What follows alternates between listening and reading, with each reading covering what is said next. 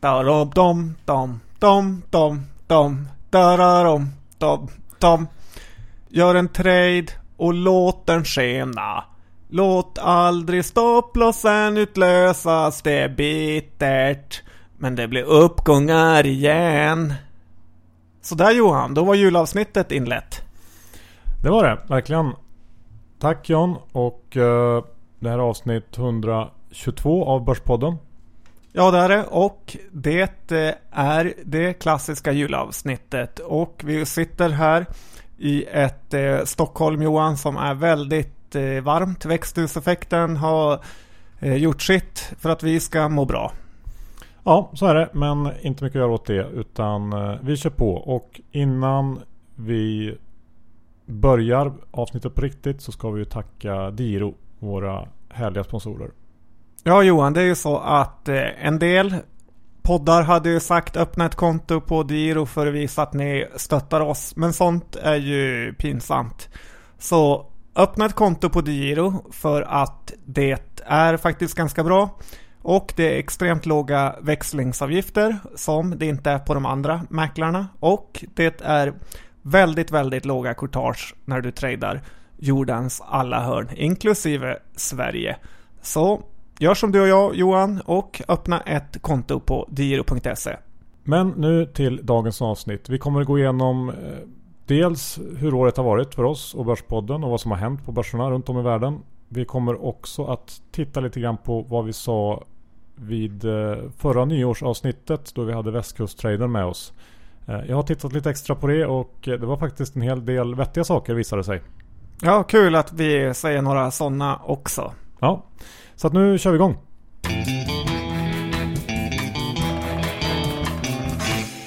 Johan, Dr. Bass Isaksson. Jag får börja med att säga att index eh, nu står i 1414. Jämnt och fint eh, nummer. När vi startade året så stod det på ungefär 1460. Och eh, en rätt stor nedgång eh, som har kommit efter en initial uppgång. Kan du kanske guida oss igenom året? Ja, om vi ska ta en liten eh, snabb repris av året så börjar det ju med en jättemonsteruppgång som utlöstes av att Draghi lanserade ett stort QE-paket i Europa. Och den här uppgången varade en bit in till våren när vi fick en någon slags topp som det ser ut i alla fall just nu i slutet på april. Vilket konstigt nog också sammanföll med vår eh, Börspodden-resa till USA John. Ja, och eh, det var som den sa Buffett är den nya Messias och eh, så var det verkligen som det kändes med aktier på den tiden. ja, precis. Ja, men det var faktiskt nu när man tittar tillbaks så var det ju faktiskt eh, Ja, kanske inte rätt tydligt men det var i alla fall intressant att se hur det var så mycket folk i den lilla staden Omaha att eh, inte ens alla fick plats inne i arenan för att lyssna på Buffett utan många fick stå utanför och titta på storbildsskärm. Eh, det, var, det var lite hysteri faktiskt där borta. Ja, men tack vare Per H Börjesson så fick vi parkettbiljetter. Ja, Eh, men det kanske blir någon slags sinnesbild för toppen. Vi var ju också i New York sen dagen efter och lyssnade på de här största hedgefondförvaltarna och även det blir väl lite av någon slags toppkänsla när det, det eventet avslutades eh, med Bill Ackman som körde sin eh, monster håsrek på Valiant som senare under året kraschade fullständigt. Ja, Bill Ackman har haft ett eh, fruktansvärt år och man kan väl säga att rätt många av rekarna som kom på den där konferensen har visat sig vara riktigt eh, dåliga. Ja, så får man nog lov att säga att det var. Men hur som helst. Eh, vi fick ju ganska snabbt efter den här toppen en förnyad Kina-oro med börsras i Kina under, under våren, tidig sommar. Vilket sen följdes upp av Grekoro igen som faktiskt blev eh, riktigt allvarlig. Där det såg ut ett tag som att Grekland kanske skulle lämna euron till och med. Nu blev det ju inte så utan det blev en lösning i sista minuten. Och eh, jag tror ju att vi kommer att få någon slags repris på det här även nästa år. Så att eh, vi kan nog se fram emot mer eurokriser tror jag. Strax efter att man hade löst det här så blossade ju Kina-oron upp igen när Kina valde att devalvera sin valuta. Yuanen, Ja, som du. som jag hade hetat på kinesiska. Ja. Eh, Och efter det här så har ju den här rå, oron för råvarufallet eh, blossat upp igen och eh, eh, med det så har eh, kreditmarknaden relaterad till eh, råvarubolag eh, gått riktigt knackigt och nu kanske kan finnas lite oro för att det sprider sig till andra branscher. Vi får se så att det har varit som vanligt får man säga ett år som har kantats av oro på olika håll och kanter. Ja, det har varit mycket oro och eh, det känns som att det inte finns något eh, slut på det. Framförallt i och med oljan, hur den kraschar. Nej John, jag håller med. Den, den kommer säkert följa med oss in i eh, nästa år. Jag tycker också att det kanske har varit året då Jag tänkte innan säga att det här var liksom topparnas topp det här året. Vi hade toppen på börsen såklart. Det är väl det mest eh, uppenbara. Men vi har också haft topp i antalet eh, eh, nya bolag på börserna. Vi har haft eh, toppnoteringar när det gäller nya traders känns det som. Vi har någon slags toppnotering när det gäller intresset för börsen. Vi har topp för intresset för eh, värdeinvestering, Warren Buffett som var inne på nyligen. Och kanske viktigast av allt känns det som så hade vi en topp i förtroendet för eh, vad centralbankerna kan göra för börserna tror jag. Det är väl också en förklaring till att vi har tappat på slutet. Att det har inte riktigt levererats där. Draghi lovade lite för mycket i höstas och kunde sedan inte leva upp till det eh, under ECBs sista möte här. Så att eh, det är också tycker jag en, en intressant utveckling att eh, centralbankerna kanske inte riktigt kommer att kunna styra lika mycket som tidigare. Jag hoppas på det och att de blir får mindre makt helt enkelt. Ja, det jag tycker kanske är den mest intressanta toppen är att jag hörde att det var två års väntetid till att få en plats i Nordnets eh, tradingrum. Och eh, om inte det är något som indikerar hås på börsen så ja, då är det få saker som gör det. Ja, topparnas topp helt enkelt. Du, ska vi gå över till eh, hur året har varit eh, för oss? Vi kan ju börja med Börspodden. Ja, Börspodden har ju haft ett eh, succéår Johan och eh, det borde det väl ha toppårets eh, topparna topp. Ja, ja, det vore ju konstigt annars. Eh, Men jag kollade lite på siffrorna igår och vi är faktiskt upp en bit över 100% när det gäller antal lyssningar i år jämfört med 2014. Det är ju en helt sjuk siffra kan jag tycka och det är absolut inget jag trodde vi skulle komma i närheten av för ett år sedan.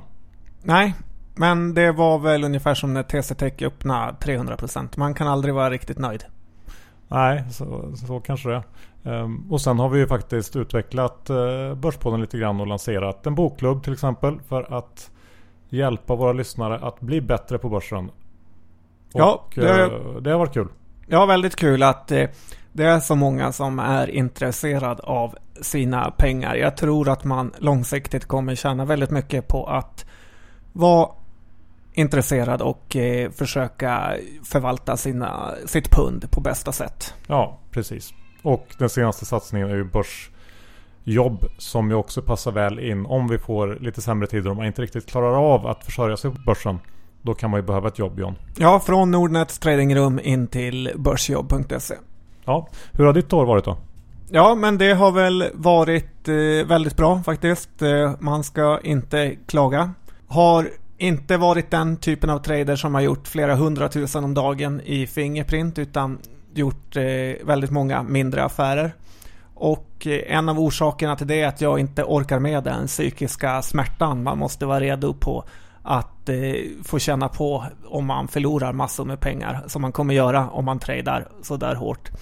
Dessutom är det eh, ruskigt eh, svårt att vara, slåss, vara med och slåss med Avanza-mannen, livet som trader med mera för Fingerprint-pengarna. Eh, men den bästa enskilda traden var nog när jag kortade Atlas på rapporten här i somras när någon datasnurra tyckte att rapporten var bra men hela trading-community tyckte den var dålig. Och den sämsta som jag har kollat så tror jag var att jag köpte väldigt mycket konsentaktier som eh, fick ett avtal. Men det var bara jag som köpte och sen gick det inte att sälja den aktien. Så att det blev en fruktansvärt dålig affär. Eh, men sen är det intressant att visa sig hur långsiktiga affärer också lönar sig. Då har jag haft eh, ganska mycket aktier i Firefly som i år är upp 140 procent eh, efter fyra ganska bra rapporter i rad. Jag blev lurad att minska lite just inför Q3 då aktien utan anledning gick upp till 36 från 30.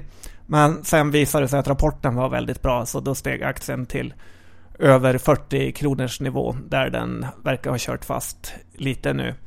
Så att eh, intressant hur bra långsiktig trading också faktiskt kan eh, vara. Ja, det är kul att det har gått bra på den fronten. Men då är det kanske inte trading om man är långsiktig. Nej, långsiktigt innehav menar jag. Långsiktighet helt enkelt. Nu är jag inne och petar där också. Ja. Själv har jag inte haft något jättebra år och det beror väl framförallt på att jag var lite för negativ i början på året. Vilket kostar en hel del pengar och eh, sen har jag fått kämpa mig tillbaks under resterande del av året. Så att eh, jag, eh, jag är ganska missnöjd egentligen kan jag säga. Jag tycker det ser ut som att de flesta traders har haft eh, sitt bästa år någonsin och så är det ju definitivt inte för mig. Men eh, det är ju bara att eh, kämpa vidare och komma igen helt enkelt. Så vi får hoppas på ett, ett bättre år nästa år. Ja, det är lite som eh, fotboll och hockey. Att det börjar en ny säsong efter årsskiftet och eh, då börjar man om på noll igen. Så är det. Ska vi ta en titt på vad vi sa i samband med nyårsavsnittet förra året med västkusttraden. Då hade vi faktiskt en hel del tips och eh, råd inför 2016.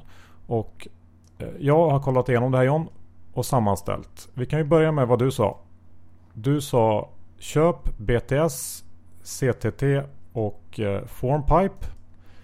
Du sa också att man kunde få eh, 10-15 säkra procent i Cloetta men varnar samtidigt för att Bengt Baron skulle kunna lämna bolaget. Du sa också att eh, man skulle akta sig för oljebolag på grund av det låga oljepriset och du sa att SAS var en dubblare. Nämnde ICA och Axfood som förlorare. Det låter nästan som att jag kan se in i framtiden när man eh, hör på det där. Ja, det är ju det är faktiskt makalöst bra. Jag trodde inte att det var... Jag fick lyssna flera gånger för att verkligen tro på det igår. Tack Johan, jag kanske har något som ja, jag inte upptäckt själv. Jag borde lyssna mer på dig. Du trodde också att börsen skulle gå plus 12% efter ett starkt andra halvår. Det är väl kanske den största missen. Visar väl på att det är väldigt, väldigt svårt att förutspå vart börsen ska gå. Ja, konstigt att det var det allra svåraste. Ja, men eh, BT, BTS, CTT och Formpipe har väl alla gått upp eh, över 50% eller? Ja, skulle jag säga. Och Cloetta runt 20 tror jag. Så att det var, man fick lite mer än de här 10-15 säkra som var garanterade från början. Ja, men det är skönt att kunna överleverera. Ja, SAS, ja 65% upp. Så att inte riktigt en dubblare men godkänt. Tack. Anders, eh, som ju inte är här och kan försvara sig, men han behöver inte heller. Han rekade Catella som han trodde var en dubblare och visst har den dubblats. Och han rekade även SAS-Pref som skulle ge en eh, stabil grund i portföljen. Och den har ju varit eh, kanske den enda bra preffen i år att äga hela året. Ja, vi har ju också gillat den och det är kul att eh, SAS får ordning på grejerna. Och SAS-preffen har ju verkligen, dels har man fått 10% plus i ränta och dessutom en rejäl kursuppgång från förra året. Ja, så det var riktigt skoj. Sen lyckades faktiskt Anders pricka in eh, tre stycken vd-byten, vilket jag tycker är rätt eh, fantastiskt. Han prickade in SCA, Sandvik och eh, Volvo. Och jag tror även att han prickade in att SCA var den som först skulle byta vd. Och visst var det så? Ja, och det är ju helt eh, otroligt vilken pricksäkerhet. Han kanske borde börja med stryktipset. Ja, den enda vdn som han missade som man trodde skulle byta jobb var ju Georg Brunstam på Hexpol. Men eh, det är pensionen nästa år för honom. Ja, ja så det, den kan vi räkna bort. Sen varnar faktiskt Anders också för Norge. Och eh, sa att de var körda. Eh, och tyckte att man skulle se upp där. Var väl också en helt okej okay varning. Han gissade att index skulle sluta på någonstans mellan minus 15 till 20 procent.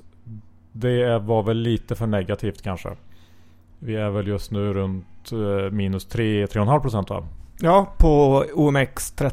Det övriga har gått lite bättre än på har, plus till och med. Har i och för sig några dagar kvar så att det är inte omöjligt att det slår in. Det är bra Dr. Jag Vad hoppas. trodde du då? Jag trodde att börsen skulle tappa 10% efter ett svagt första hal- halvår och ett starkt andra halvår. Vi var eh, allihop inne på att det skulle bli ett starkt andra halvår av någon konstig anledning. Ja, det var nog analytikerna som hade lurat i oss att det såg bättre ut eh, längre bort som Mm, vanligt. Men det gjorde det inte. Sen tyckte jag att Finland hade större potential än Sverige. Vilket jag tror att jag ändå har fått rätt i. För sist jag kollade var finska börsen eh, lite bättre än den svenska. Ja, Om än inte så mycket. Och jag tyckte man kunde köpa till exempel Nokian Tires eller Kone eller Kesko. Av dem så är det väl egentligen Nokian Tires som har varit en riktig höjdare med ungefär en 60% i uppgång i år. De övriga ligger väl på lite svagt plus. I och för sig har man fått en ganska stor utdelning av Kesko. Så att eh, ja, det var väl helt okej. Alla är på plus i alla fall. kul att Finland också kan lyckas med något. Ja. Sen John har vi ju valt ut eh, några olika teman som vi tycker har varit eh, signifikanta för året 2015. Ska du börja med, med eh, något som du tycker har satt avtryck i år? Ja, och eh, jag kan tycka att 2015 har verkligen varit förhoppningsåret med Fingerprint i spetsen. Och sen här i slutet har vi sett helt vansinniga rallyn som ger mig en känsla av att något eh, väldigt dåligt närmar sig. När folk slutar ha förstått vad aktier egentligen är utan tror att det är ett tv-spel så blir jag orolig. Här sista kvartalet kan man säga började med Hamlet Pharma som gick upp eh, 400-500 procent. Sen kom TC Tech som spårade ur också. Och förväntningarna byggdes upp ordentligt på iMint som verkligen uppfyllde dem och gick också upp med över 300%. För mig är det här fullständigt eh, vansinne. Visst att bolag eh, kan gå upp om de gör något bra, men då ska det vara något bra och inte ha vansinniga följare som bara trycker och trycker upp eh, bolaget högre och högre. Det är väldigt, väldigt underligt att se. Dessutom har vi en helt gäng småbolag som har gått in på börsen, dubblats, tripplats med mera. Alcinovia, Tolerantia, Immunovia. Ja, det är otroligt. Tittar man på Medivir som egentligen har gjort något eh, omöjligt i och med sin hepatit C-medicin som var en extrem succé. Så märker man att även fast man lyckas så är det inte säkert att värderingen skjuter i höjden heller. Om jag fick göra en kort portfölj alla Goldman på de här bolagen som jag har pratat om så skulle jag egentligen satsa alla mina pengar på den. Men mest av allt är jag besviken på de som riktigt tror på de här värderingarna som är något som kommer stå sig. Och till er säger jag, ni kommer förlora allt. Särskilt ni som typ snittar ner på TC Tech eller iMint när den faller 5% efter att ha gått upp med 300. Lyssna på Micke Sydings podd 25 minuter om bubblor så kommer ni fatta precis vad jag är inne och pratar om. Och ni vet, alla bubblor spricker. Mycket kloka ord där John. Då tänkte jag ta en trend som jag eh, tycker mig ha sett framförallt kanske under årets eh, sista del. Och det är det här att diverse firmor går ut och blankar eh, bolag och påpekar att det är saker som inte står rätt till. Bland annat eh, Muddy Waters attack mot eh, Telia eller eh, Citron Research tror jag de kallar sig. Deras attack mot Valiant som två, två exempel. Det här tycker jag är en, en frisk fläkt och jag, det här är någonting som jag tror verkligen, verkligen behövs, behövs i det här skedet på börsen när vi har gått upp i så många år. Jag tror att det finns väldigt mycket skräp eh, runt om på börslistorna i världen nu och då behövs den här typen av firmor som faktiskt eh, letar efter oegentligheter också. Inte bara köpta håsanalyser som försöker trycka upp bolag utan det här är någonting nyttigt och det tycker jag att man ska förstå. Eh, trots att jag inte höll med Maddi till exempel i Telias fall så tycker jag att det här är någonting som är riktigt bra och behövs. Ja, det visar ju också vikten av eh, torrt krut. För håller man inte med så kan man göra som jag och Bill Ackman och eh, du i Telia Johan. Man köper på de här dipparna då det skapas affärsmöjligheter. John, du har fler spaningar? Ja, det har varit eh, preferensaktiernas år också. De gick ju väldigt, väldigt bra i och med nollräntan och minusränta och allt vad riksbankscheferna hitta på och man kan väl säga att främst var det Akelius som fick upp ögonen för det här, affärsman som han är, och våldsemitterade aktier mer och mer. Och nu har han bränt sina aktieägare. Jag vet inte om han tycker det är hans aktieägare eller om han ser det som att det, det är lätta pengar att ta in. Och eh, han sitter nu med många, många miljarder på banken som han har tagit in via de här preferensaktierna. Och som du nämnde tidigare, egentligen har alla preferensaktier gått dåligt i år. Utom en Johan. Och det är du, jag och Mats, Max Mittregger som dansar i neon. ja, och det man ska komma ihåg kanske när det gäller preferensaktier är ju att eh, de i grund och botten har en e-, evig löptid. Och om räntan börjar gå upp eller man börjar tro att räntan ska upp så är ju det det instrument som, eh, ja, som får mest stryk när räntan börjar stiga. Det får man ju tänka på och det är väl kanske lite det vi har sett här i, i år i eh, flertalet av, eller merparten av preffarna. Men sen tänkte jag ta årets sektorrörelse. Och då tänker jag på den vansinniga uppgång som vi såg i verkstadsbolagen under inledningen av året.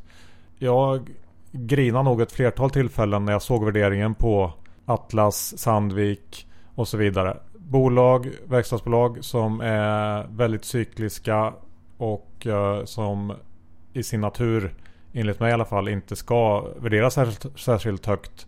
Hade P tal kring eh, 25, i vissa fall 30 och eh, det var någon slags masspsykos där under ett tag i, i våras.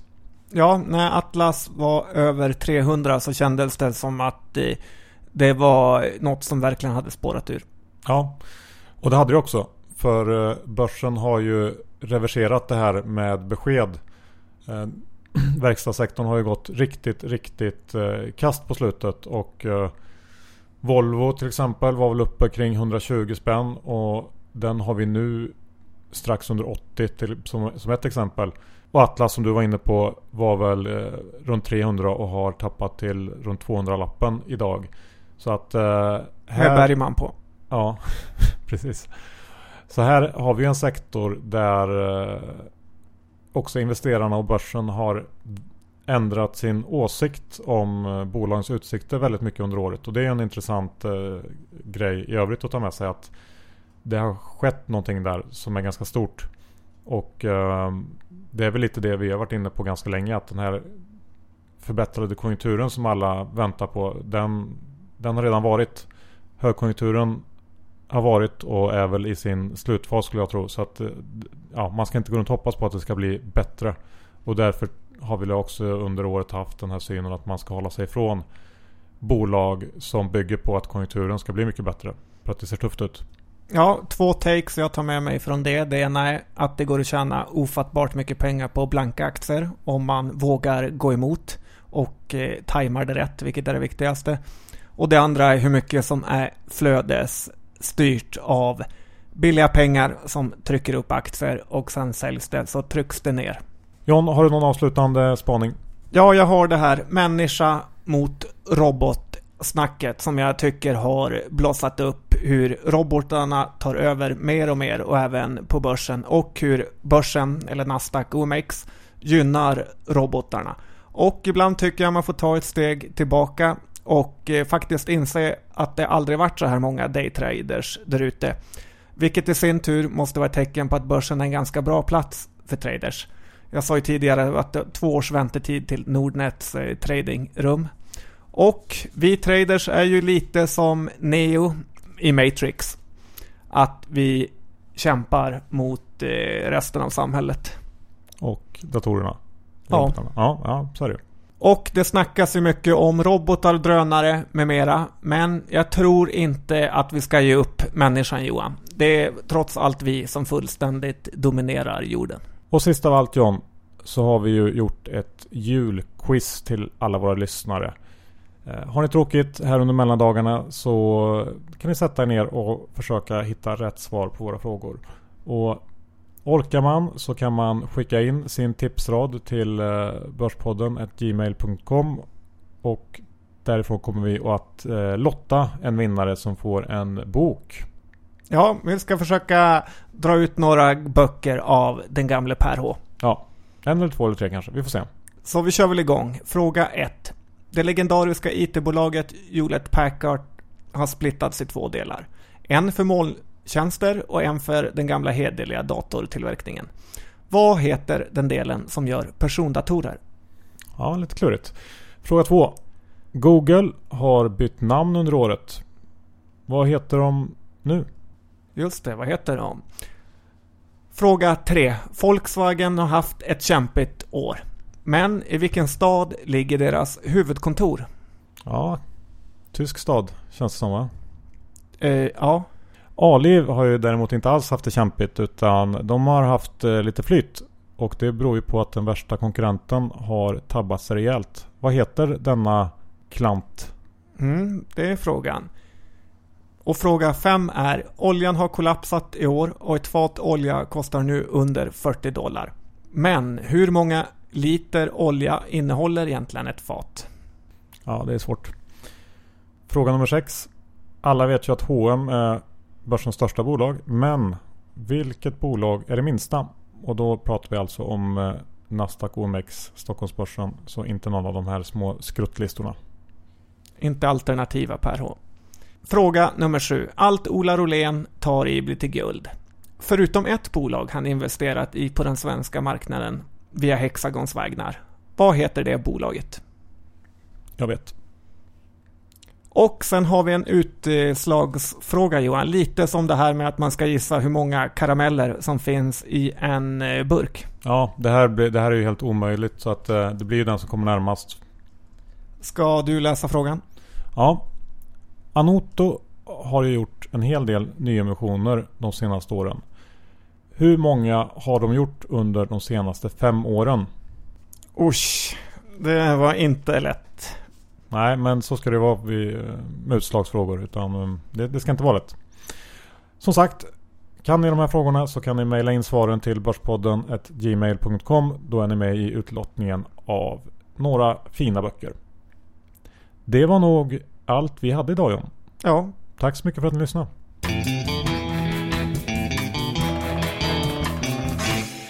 Så där John, julavsnittet nummer 122 i Börspoddens historik. Alltså inte ja, julavsnitt 122 utan räknat på alla avsnitt. ja annars hade vi varit rätt eh, gamla vid det här Ja, laget. ja, stämmer. Även om vi känns som man är det.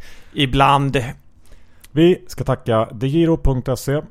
Öppna konto och sätt in julklappspengarna och dubbla, trippla dem i något spännande bolag. Du sa ju att man inte skulle hoppas på att få två, tre gånger pengarna. Det är inte så det funkar. Nej, men eh, hoppas kan man alltid. Det är tomten kommer. Ja, det kan man göra. Du, eh, i övrigt så kan vi väl bara tipsa om eh, vår jobbsajt. Gå in och kolla på den lite då och då. Än så länge är den i uppbyggnadsfas men den kommer att vara i full fart under 2016. Det ska bli skoj att se. Har vi någon disclaimer? Nej, det känns inte som att vi behöver ha det i det här avsnittet. Vi har ju inte direkt pratat om några bolag på det sättet. Nej, det tycker jag inte. Nej, då bestämmer vi att vi inte har det. Då återstår väl inte så mycket mer från oss Johan, förutom att du ska säga God Jul med din allra basigaste tomteröst. God jul nu alla och tack så hemskt mycket för alla lyssningar det här året.